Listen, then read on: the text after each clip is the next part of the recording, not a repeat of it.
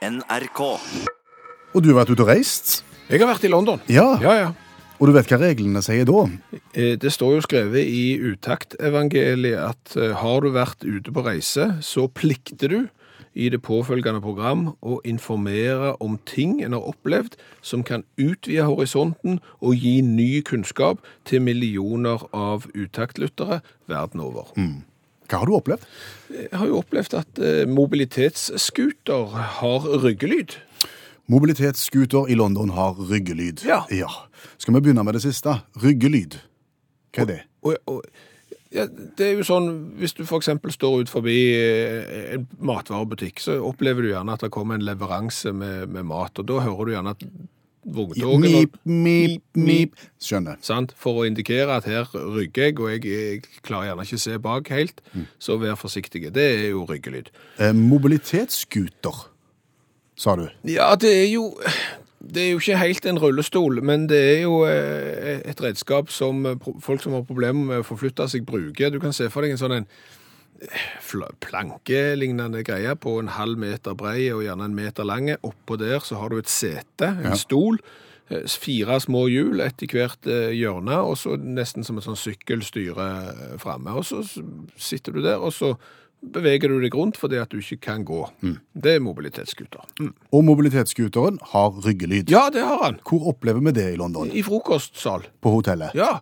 For, for tenk deg at du sitter der og, og spiser frokost. Ja. Du har forsynt deg rikeslig med, med sånn engelsk bacon, som jo ligner mer på, eh, på koteletter enn en bacon. Du har funnet deg noe egg og noe pølser og alt det der som hører med, og så sitter du der, og så hører Ja. Og for å si det sånn, Da er det ganske mange som, som begynner å kikke rundt i den store frokostsalen, for det, at det er en lyd som ikke passer inn i en frokostsal. Så begynner de å kikke, ser jeg men, men, Nei, det er jo ikke, ikke noe vogn, det er ikke noe trailer, det er ikke noe lastebil her. Eh, Så liksom så hører du Hei. Jo. Så var han der igjen. Så var han der igjen, og, og da begynner jo folk også å klare liksom å, å plante det, det, det visuelle inntrykket sammen med lyden, og pare de to ting sammen, og så ser du at det er jo en mobilitetsskuter. Sant? Og den lyden, den er der til og fra lenge. Akkurat. For vedkommende i mobilitetsscooteren er i ferd med å Det skal jo være frokost, selvfølgelig. Ja. Eh, Og det har jeg jo aldri tenkt på at det er et problem eh, med å, å ta, ta seg mat når du har mobilitetsskuter. Fordi at det, rullestol, Ja. da kan du jo kjøre med fronten av rullestolen inn mot bordet. Sant? Så du sitter nesten som i en stol, og så kjører du inn til bordet. Ja. Kjører du mobilitetsskuter, så kan du jo ikke det, for der er jo rattstammen, der er jo rattet er jo foran der. Sant? Og hvis du da skal forsyne deg av bacon, så vil du jo ikke rekke baconet fordi at det er for langt fram, fordi at styret står i veien. Så du må komme inn sidelengs? Du må komme inn sidelengs, ja. Og det er klart at det da er stor trengsel rundt buffeen, så, så må du mer eller mindre lukeparkere. Ja.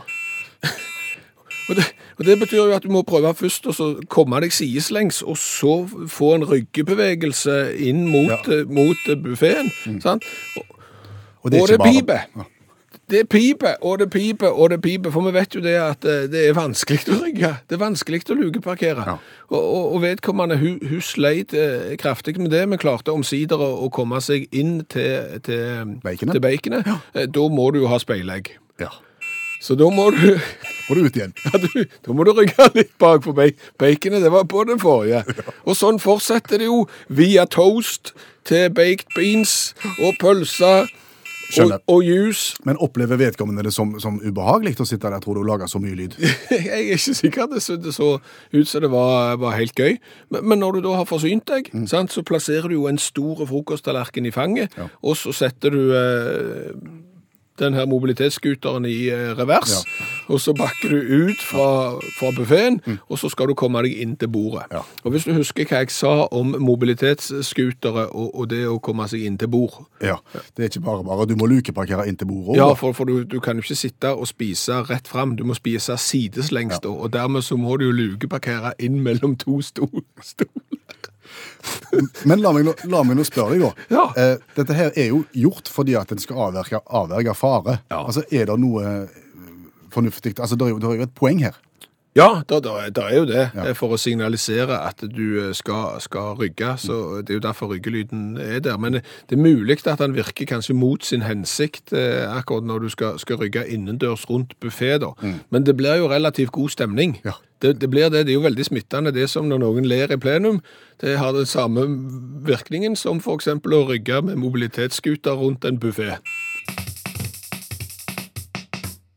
Og apropos England. Ja. Eh, dere stilte vel klokka i England også? Ja, ja. Sånn som vi gjorde her hjemme? Ja, ja. Daylight saving time. Eh, Fordelen med sommertid eh, å gå vekk fra den når du er i utlandet, er jo at du får én time ekstra på tur. Det er sant.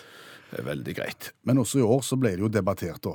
Sommertid eller ikke sommertid. Skal vi slutte med det? Er det noen vits? Noen land vil ikke ha det i det hele tatt, mens vi fortsatt henger med.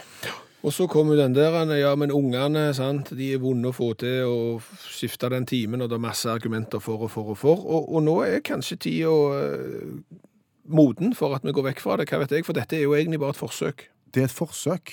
Ja, ja, det er et forsøk. Det, det ligger i ordet. Sommertid. Nei, ikke det ordet. Nei. nei, nei, nå må du henge med. Nå, nå skal vi over til litteratur og, og litterære sjangere. Fordi sommertid Ja. som fenomen er første gang nevnt av Benjamin Franklin Lynavledermannen. ja, i, i 1700 et eller annet, Ja. i et essay. I den litterære sjangeren essay. Ja. OK?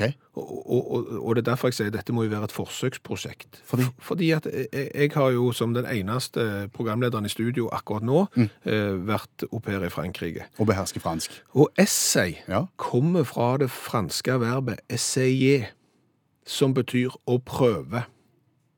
Akkurat. Så dermed så, så viser det seg jo her med at å velge en litterær sjanger som, som essay, så sier Benjamin Franklin at dette er en forsøksordning. Og hvor lenge skal den vare? Etter det au pairen har grunn til å tro, så er dette da en forsøksordning fordi det er presentert i et essay. Og at essay betyr forsøk. Ja, men essay betyr tyrforsøk, og, og det er jo litt av den sjangeren. Jeg er litt grann usikker på hvor akkurat den litterære sjangeren essay egentlig eh, eh, plasserer seg. Om man er liksom eh, Hvor kommer kronikken inn henne? Eh, Jeg- jeg er det mellom et kåseri og en kronikk? Er det Ja, Jeg vil jo si at essayet ligner ganske mye på kronikken. Altså Det er vel en, en meningsytring, er det ikke det? Det er en meningsytring, men du trenger ikke balansere den. Den kan være ensidig. Så du, du kan bare løfte et tema, så kan du si at dette er min mening, og jeg bryr meg ikke om eh, hva andre mener. Så sånn sett er jo nesten en leder eller en petit. Nå snakker du om ting du ikke har greie på. Men det, jeg gjør ikke, men det, det er kjempevanskelig det der med hvor, grensene går mellom alle disse litterære sjangerne. ja, ok, men La oss slå, slå fast at Benjamin Franklin brukte sjangeren essay når han presenterte ideen om sommertid Ja. i 1700 en gang. Ja, stemmer det. Og, og det er jo det som er oppsiktsvekkende, fordi at å, å bruke litterære sjangere til, til å fremme enten politiske, eh, kunstneriske eller teknologiske ideer, det er jo ikke så vanlig. Nei. Nei. Eh, og det som er veldig uvanlig, men som burde vært mer vanlig, Mm. ifølge meg, og, og til dels deg også, det er jo å bruke limericken Ja. når du skal presentere banebrytende nyheter. Ja, for, for limericken er vel kanskje et av de sterkeste kunstneriske eh, formene vi, vi har. Ta-ta-ta-ta-ta-ta-ta-ta.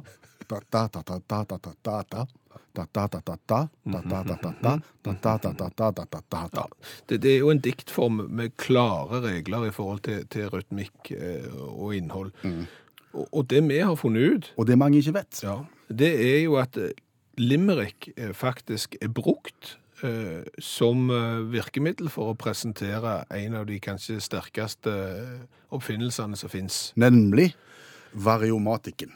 Variomatikken, ja. Det er jo da den trinnly, trinnløse girkassen. Eh, Det er variomatikken. Eh, Det, det er ikke så veldig mye i bruk den dag i dag. Nei. Eh, Sto sterkt på et lite, et lite tiår der, men, men den brukes den, den dag i dag mer på mopeder og, og snøskutere. De bruker da mer sånn variomatikk med sentrifugal kløtsj. Det var vel den giranordningen som gjorde at bilene hørtes ut som de kjørte i andre gir uansett. Enten de gikk framover eller bakover, i 30 eller i 80. Ja, stemmer det. Og vi skal til Nederland. Vi skal til DAF-fabrikken, Dorns automobilfabrikk, mm. som var et nederlandsk bilmerke uten stor suksess, men de fant jo opp variomatikken.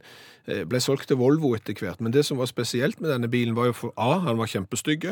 Han så ut som bestemor Duck sin bil på en dårlig dag. Ja. Eh, og så hadde han trinnløs girkasse som gjorde at han rygde like fort som han gikk framover. Ja, ja. Og ideen om variomatikken, altså, etter det vi har grunn til å tro, ble første gang presentert i Limericks form. Ja, og, og ser dere nå denne fiffige parallellen her mellom essayet til Benjamin Franklin og sommertid og variomatikken til Daff og limericket her? En trinnløs girkasse på bil gir smidig transport mange mil. Drivhjul reimer og klakker, ingen giring som hakker. Variator gir kjøring med stil. Du, utfordrende kunst, det trenger ikke bare være enkelt. Nei, for eh, Kvam i Gudbrandsdalen har jo nå fått eh, erfart det eh, den siste tida. Der eh, var det jo en eh, stein, en pinne og en eh, møkkaspreder som eh, klarte å skape oppstyr. Det var jo en del av dette prosjektet som kalles eh, Veiskille. Men dette var jo kunst som provoserte lokalbefolkningen, og som gjorde at denne pinnen, steinen og, og, og møkkasprederen rett og slett måtte fjernes. Det ble for mye oppstyr. Ja, eh, Men så tenkte en kanskje oppstyret ikke var så dumt allikevel. Nei, for da så jo eh, handelsnæring og, og, de som mener at folk må komme til Kvam i Gudbrandsdalen, at når hele Presse-Norge kan fokusere på en stein, pinne og, og en møkkaspreder, kanskje ikke vi skulle tatt den vekk. Og, og dermed hadde du plutselig en turistattraksjon som ikke lenger var der.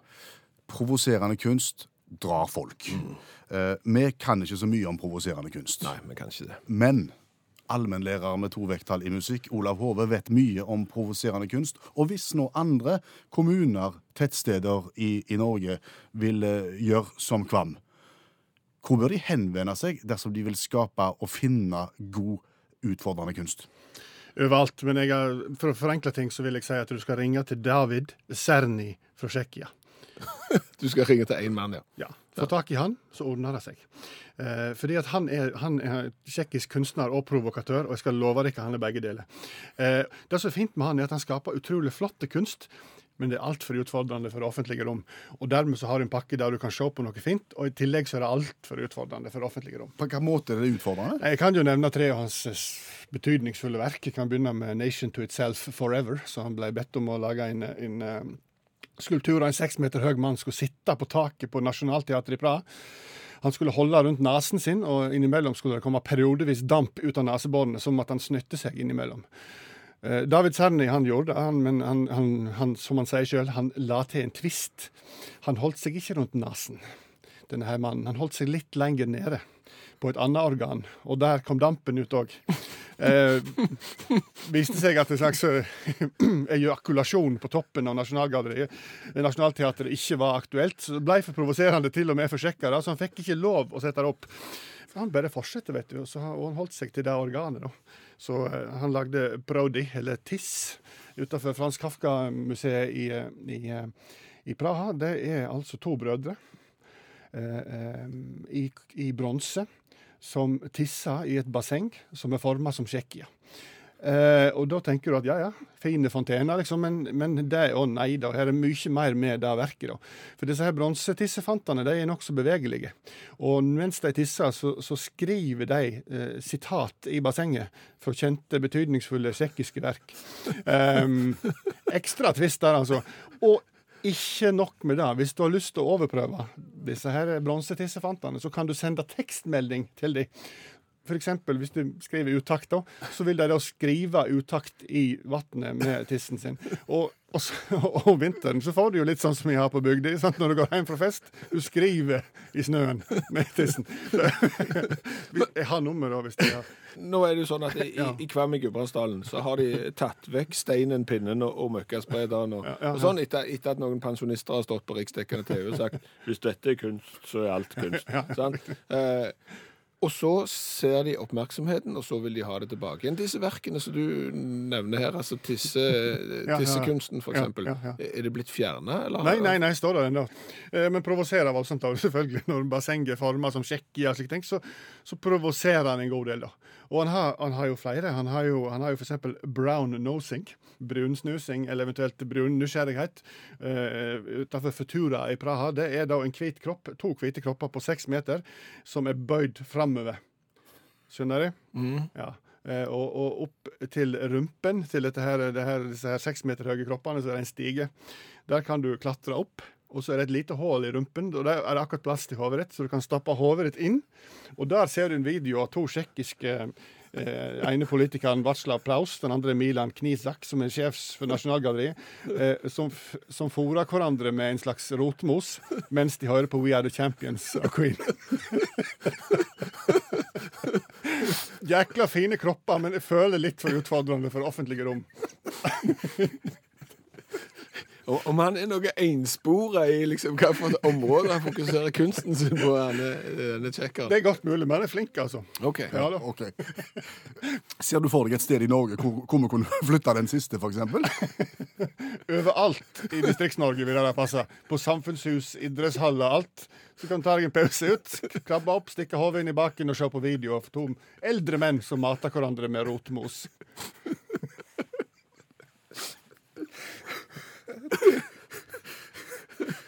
Tu, tusen takk igjen. Allmennlærer med to vekttall i musikk, Olav Hove. Og plutselig ble Stein Pinne møkkaspreder i, i Kvam ikke provoserende i det hele tatt. Ingenting. Er du klar til å høre en genial forretningsidé? Ja, hørt om de før, men prøv igjen. Ja, ja, det, vi har ikke truffet det nå, men det er aldri for seint. Nei, Utakt er et framoverlent program. Av og til er det så framoverlent at vi tipper over, men det er greit. Eh, bakgrunnen for, for denne forretningsideen er nemlig religion og HMS. OK. Eh, på hvilken måte?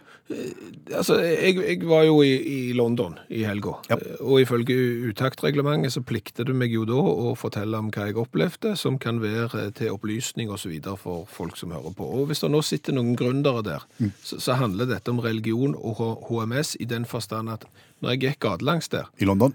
så, så var det anleggsarbeid som pågikk. Ja. Og der møtte jeg på et sånn et turbanisert eh, arbeidslag. Eh, menn med turban som jobba. Ja, de hadde vernesko på. Ja. Eh, De hadde på seg eh, selvlysende uniformer og arbeidsjakker og sko og alt det der, sånn at de viste igjen i trafikken. De hadde sperret av med bånd, sånn at ikke bilene skulle kjøre på de så videre.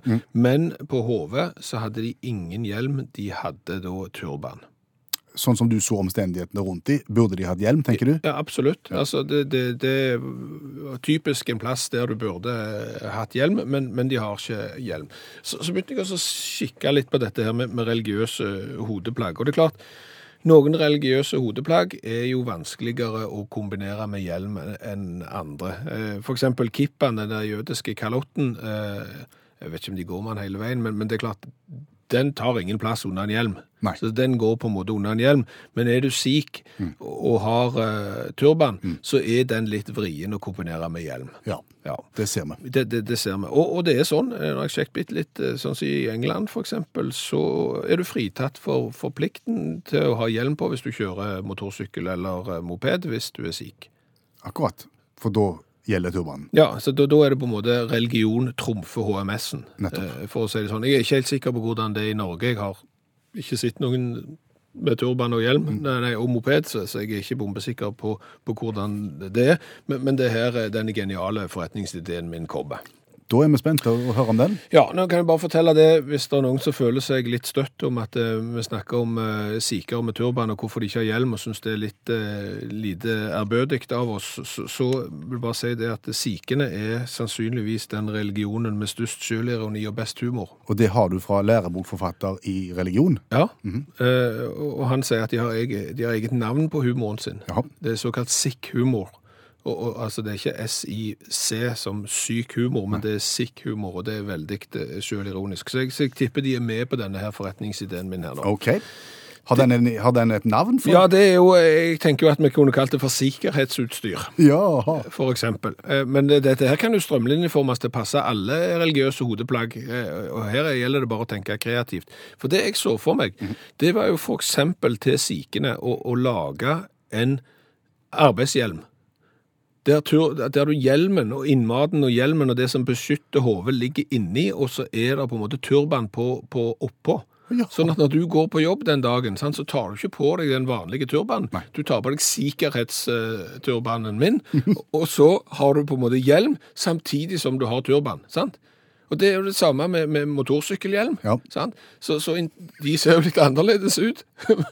men, men da lager du en motorsykkelhjelm som er på en måte en kombivariant av turban og hjelm, og så får du stropp under, under hage og eventuelt visir og, og sånne ting som, som du må ha på. Ja. Og, og det, det er genialt at ingen har tenkt på det før. Nei. Det er jo så innlysende. sant? Og det er sikkert andre religioner òg som, som kunne fått uh, tilpassa dette til, til å være HMS og religiøst hodeplagg i en og samme.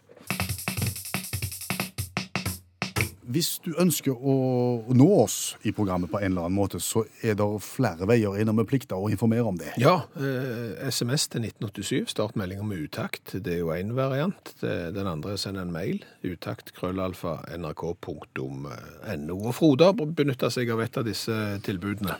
Frode har gjort det og sendt oss et litt pikant spørsmål, eh, men vi må jo gå løs på det. Frode skriver hørte en gang at Bett Midler skal ha hatt seg med Alice Cooper på en konsert. Kan Utakt bekrefte dette? Eh, og når Frode skriver 'hatt seg', så, så tolker vi det i en altså, en form for samkvem. Ja, det, det er samkvem av en, av en art som, som det fort kan bli resultat av. eh, måte. Skal vi beskrive Bette Midler og Alice Cooper for, for alle som ikke ser for seg deg først? Altså, Begge er jo rockere, men, men de er på en måte rockere i litt forskjellige leirer. Alice Cooper han er, er rockeren i den leiren litt borte til venstre der borte, eh, der du har eh, svart sminke rundt øynene, du er hvit i ansiktet, du har eh, langt hår, og du har fyr og flamme. Og og du ser kjempenifs ja, ut, det er egentlig. edderkopper og flaggermuser og hele det der galleriet. Ja. Eh, Bette Midler er nok, selv om hun er utagerende på scenen, kanskje litt mer i den eh, visuelt rolige sjargongen mm. med, med litt mer vanlig rockebekledning. Gjerne kjole kan du ha når hun synger The Rose. Men uh, spørsmålet til Frode, hva tror vi om det? Det er jo sånn med media at uh, når vi ikke helt vet det, og om det stemmer, men vi bare har indikasjoner på at det kanskje kan, kan være sånn, uh, så, så bruker vi gjerne uttrykket etter det vi har grunn til å tro. Ja. Da dekker vi oss litt bak det. Ja, eh, da, da har vi en forventning faktisk om at det stemmer. Eh, Og det er klart det hadde jo vært gøy å, å, å ha, det, å ha det, at dette stemte. Mm. For, For et show! Ja, absolutt. Så etter det vi har grunn til å tro, eh, så, så, så er nok dette helt eh, rett, Frode. For i vårt hode så har nok Bett Midler sett på dette som en eh, test. Ja, som en slags Cooper- Cooper-test. Ja. Hun skulle bare finne ut hvordan det var, og dermed så valgte hun å ta Cooper-testen. Ja, og der oppsto uttrykket Cooper-testen, som da har prega ungdommer og i videregående skole og ungdomsskole i en mannsalder. Nei, det har ikke det. det, har ikke det. Nei. Men Cooper-testen er et begrep. Cooper-testen er en forferdelig øvelse. Eh, Det er den øvelsen der det gikk ut på at du skulle springe så langt du kunne i løpet av eh, tolv minutter. Ja, De driver med den nå, ser du. Gjør de det? Ja, ja, ja, Det er helt vanlig i gymtimer den dag i dag. Jeg pleide trø å tråkke over, jeg da. Ja, der har du det. Utvikla av Kenneth H. Cooper for Mhm. det amerikanske forsvaret, faktisk, i 1968. Spring så fort du kan, eh, og langt du kan, som du sier, i tolv minutter, og etterpå så skal du da kunne måle kondisjonen til et menneske basert på hvor langt en kom, og alderen. For det er tabeller da, hvor du kan se hvordan du ligger an. Og, og da er det forskjellige krav, ja? Ja, ja. Ja, men altså sånn eh, mann 47 da. Ja, nå må jeg gå inn i Cooper-test-tabellen, skal vi se til Kenneth. Mann 47. Eh, Jeg fikk, jeg fikk meget i gym. Fikk- Hvis jeg skulle hatt meget i gym, me, meget i gym, Uh, da skal du springe 2500 meter. På 12 minutter, 12 minutter. mann 47, Mann 47. det burde gå. Ja, du skal, jo, kanskje. Eh, hvis du hadde nøyd deg med 2100, så hadde det vært godt. Og det er jo godt. Ja, men godt er mer enn godt. Ja. ja, ja. eh, Lite godt da. Lite godt, da hadde du ikke klart mer enn 1400 meter. Ja, men det er jo, passer jo bra. Jeg bare husker karakteren lite godt på skolen. Mm. Hvis du fikk eh, lite godt, så hadde du nesten ingenting godt. Nei. Altså, det var, nesten, det var ikke lite godt, det var ingenting Det var godt. Faktisk. det var null godt, faktisk. Vil du vite erfarne idrettsutøvere hvor langt de må springe for meget godt? Hvis de, altså du er kategorisert som voksen Ja. og erfaren, da må du springe 3700 meter på 12 minutter. Det hadde aldri skjedd. Altså, jeg er jo en erfaren idrettsutøver. Altså, Jeg har jo drevet med idrett i mange år, Ja. så jeg, jeg, jeg er jo en erfaren idrettsutøver. Jeg hadde aldri sprunget 3700 meter på 12 minutter om jeg så hadde hatt en sånn mobilitetsscooter med ryggelyd. Hva har vi lært i dag? Å, vi har lært veldig mye. Det, det må jeg bare si. Eh, Jeg har jo blant annet eh, lært, eh, lært det at eh, Hvordan skal vi ordlegge oss? Vi, fant, har jo fortalt det at uh, ideen om sommertid ble første gang lansert av Benjamin Franklin i, Franklin i den litterære formen essay. Ja. Uh, Da spøkte vi jo litt med at uh, den variable girkassen, trinnløse girkassen, som ble funnet opp i Nederland av fabrikken DAF, første gang ble presentert i limericksform. Ja. Eh, Du er jo glad i limerick, Ja. og dette var på en måte ditt sånn lille harselas til denne variomatic-girkassen. Ja, så lo vi litt av det. Så lo vi litt av det, og jeg må bare si at akkurat den vitsen der slår tilbake så brutalt for deg. Det smalt. Ja, fordi Mm. variomatic brukes i stor utstrekning den dag i dag. Eh, Denne typen girkasse heter nå CVT, og har nøyaktig det samme prinsippet. Akkurat. Den bilen du har, mm. den har sånn en girkasse. Så her driver du og harselerer med, med en girkasse som du sjøl kjører rundt i, og tusen takk, eh, Finn Øyvind, for den lærdommen der. Jeg skal virkelig uh, bruke den for alt den er verdt. Det er òg mye brukt i traktorer og anleggsmaskiner, har vi lært av eh, folk som Trolig bra girsystem, det der variomatikksystemet. Det er kommet for å bli. Eh, Så har jeg lært eh, av en som har skrevet lærebok i KRLE, E, at sikene er den religiøse gruppa som har best humor og mest sjølironi. Okay. De har eget navn på det. De driver såkalt sikh-humor. Ja. Og det er S-I-K-H som sikh, sikh-humor. Og dermed så har jeg stor tro på at eh, min nye forretningsidé med sikkerhetsutstyr, mm. der du kan lage hjelm og, og andre ting som kan være nyttig å ha i forbindelse med HMS, som er formet for eksempel som en hjelm med, med turban, vil slå an. For sikher er faktisk unntatt fra å kjøre med hjelm i USA, og nei, i England når de kjører moped for eksempel. Så dette har vi virkelig stor tro på. Så har vi lært det, at mange i Kvam i Gudbrandsdalen har den siste tida blitt provosert av et kunstverk der. En, en pinne, en stein og en møkkaspreder. Det er ingenting. Ja, Ja. Eh, Skal du bli skikkelig provosert av kunst i offentlige rom, så skal du dra til Tsjekkia. Der kan du eksempel se en statue av to eh, store bronsestatuer som står og tisser i et basseng formet som Tsjekkia sjøl, mens tissestrålen skriver kjente ord fra kjente tsjekkiske forfattere. Eller du kan eventuelt stikke hodet ditt opp i bakenden på en seks meter høy statue for å se to offentlige personer som står og spiser grøt inni der mens de hører på Queen. Så, så, så Kvam i, i Gudbrandsdalen, det er en vei å gå hvis du skal ha provoserende kunst i offentlig rom. Hør flere podkaster på nrk.no podkast.